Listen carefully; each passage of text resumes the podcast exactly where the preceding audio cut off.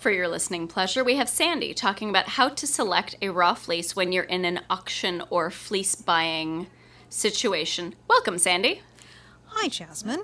So let's talk about picking fleeces. Let's talk about what's important, what you look for, what you don't want to find. Let's talk about what happens when you pick a fleece and you get to be hands on first, and then we'll talk about the auction situation. It's a little bit different. Mm-hmm. Sometimes in the auction situation, we don't get to touch the fleeces, and then we have a tougher decision to make. Mm-hmm. When you're picking a fleece in a shop situation where you get to put your hands right on it, the first thing you want to do is smell of it. Does it smell wrong? And wrong is usually like sour or ill, like maybe the animal was ill, mm-hmm. that's a big, clear no sign. Don't even go near that fleece. Generally, mm-hmm. does mean the animal was ill or the fleece has been poorly treated in transport. Mm. We don't see that very often. Hand spun or fleeces for hand spinners are typically much better cared for, usually from boutique growers who really, really care for their animals. They're often jacketed which means that after shearing, the sheep essentially wears a sweater and they continue to change that covering out as the fleece underneath grows so as not to mat. You don't want the fleece to grow through the cover or you lose the entire crop of the fleece. Hmm. You also like to find jacketed fleeces if you can because they are less likely to grow mold or have sunburnt tips. Mm-hmm. There was a bad wet year a few years back where a number of the boutique growers lost their entire fleece crop because they ended up with moldy fleeces. They were green, and they really were green. Eek. Yeah, it was a really sad year. That doesn't happen very often. The jacketing actually protects the tips of the fleece.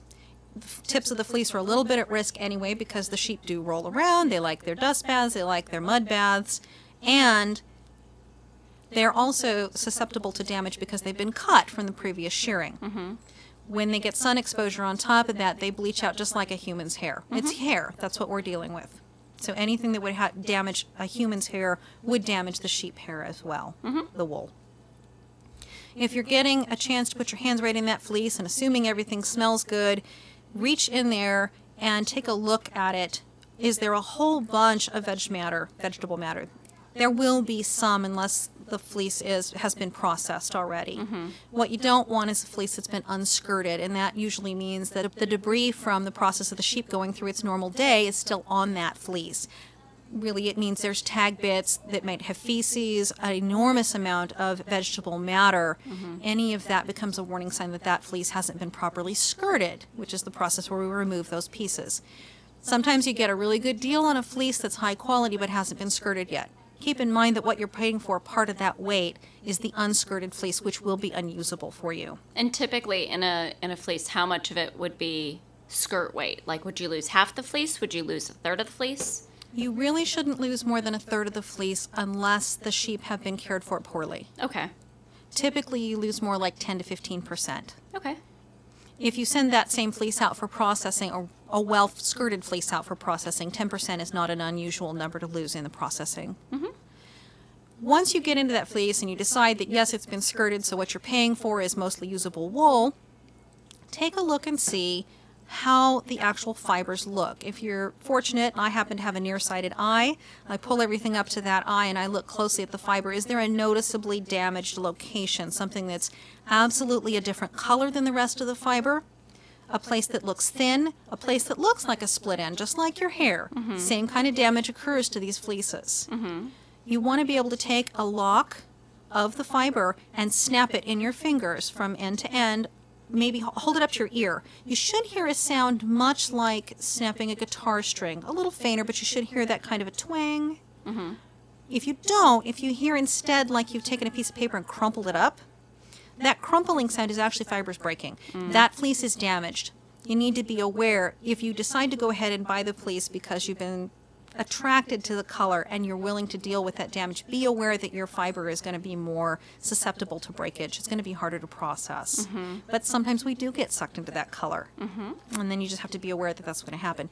I've actually bought fleeces. I bought a long wool, which means it's in excess of four inches of staple length, that had two inch of damaged tip. Oof. The grower knew me and knew that I would know how to trim the damage, and I did. And mm-hmm. it turned out to be a beautiful fleece because the remainder of the fiber was absolutely gorgeous and a fairly low micron count for that type mm-hmm. of fleece. Cool.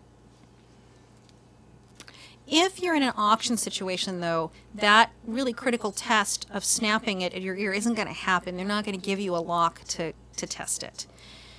you often have to if you're in that auction situation, you really should be present to listen to the judging. Mm-hmm. The only way you can judge that fleece for purchase is how is on the remarks that the judge makes about that fleece. Mm-hmm. The judge should be very thorough. They usually open up the fleece, they look to see if there's anything in the fleece that doesn't belong there. I'm sorry to say it, but occasionally a grower will include something to increase the weight of the fleece, hoping that it doesn't get opened out. That fleece shouldn't have things like belly hair. Belly hair is the fiber that comes from the belly of the sheep. Mm-hmm. And clearly it's more likely to be damaged because that part of the sheep is closer to the ground. Yep. It's getting dragged in the mud and the grass and the goat heads, those little annoying prickly stickers, and they can end up in your fleece. And it's mm-hmm. very painful if you reach in and grab one. Fleeces are judged on a number of points. Mm-hmm. One of them is on weight, and the weight is based on the breed of sheep. Different breeds are expected to produce a different weight of fleece.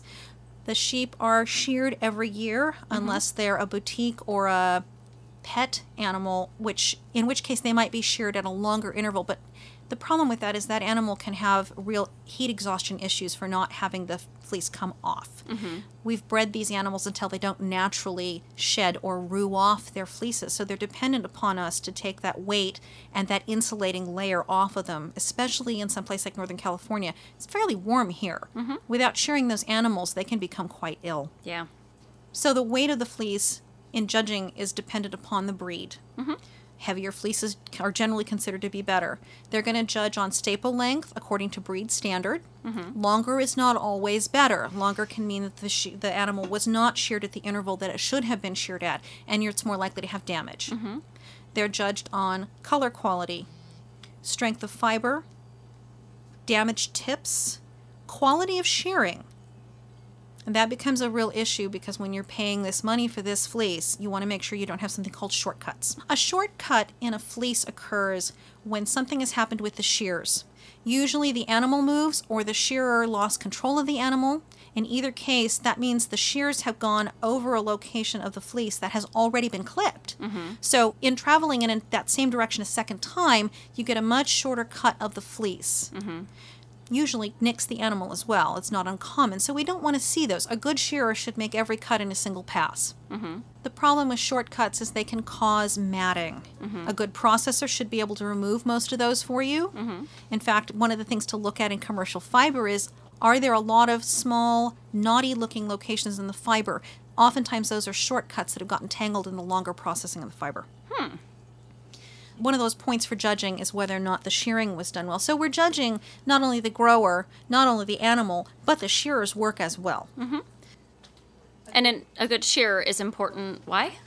A good shearer is important because it retains the maximum value of the fleece as well as protecting the animal. So it's a protecting the grower's investment as well. So we're fortunate to have a great deal of boutique growers around here. Mm-hmm.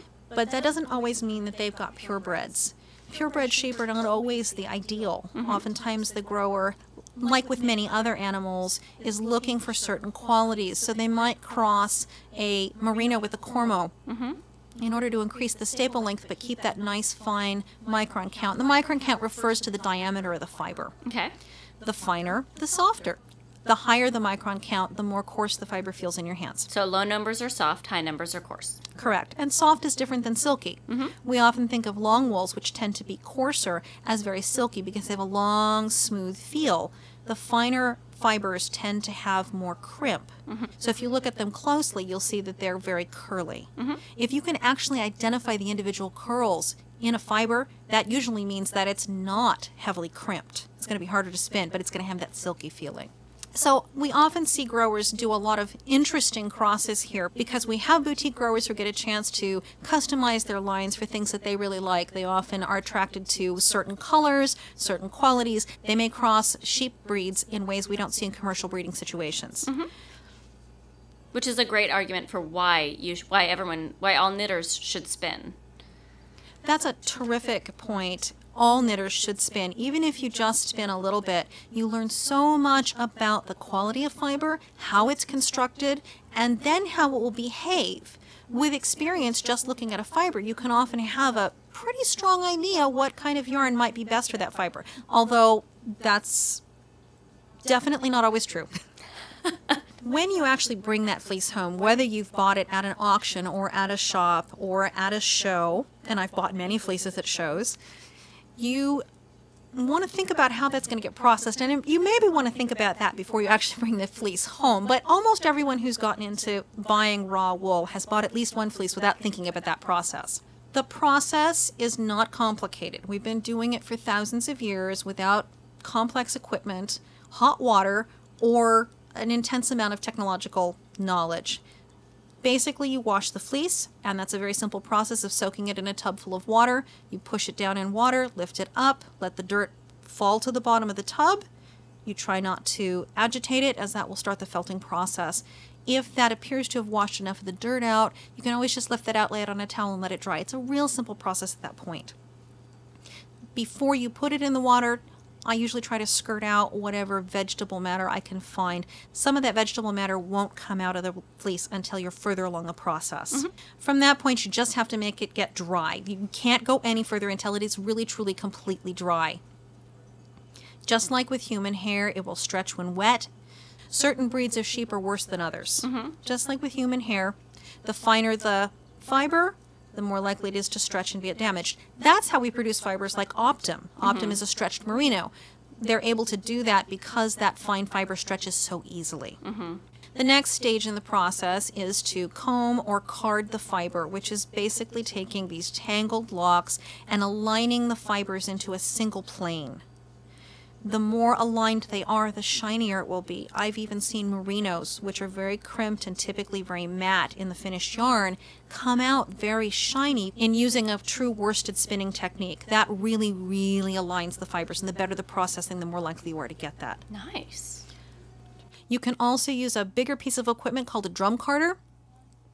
Drum carders are particularly useful for producing bats for felting mm-hmm. because it basically produces a depending on the drum carder, 8 inch by 14 inch rectangle of fiber ready to felt into a single mat. It's great to use for art purposes. Mm-hmm. And that can be done in fibers that are not necessarily the highest quality, ones you wouldn't want to put next to your skin. Mm-hmm.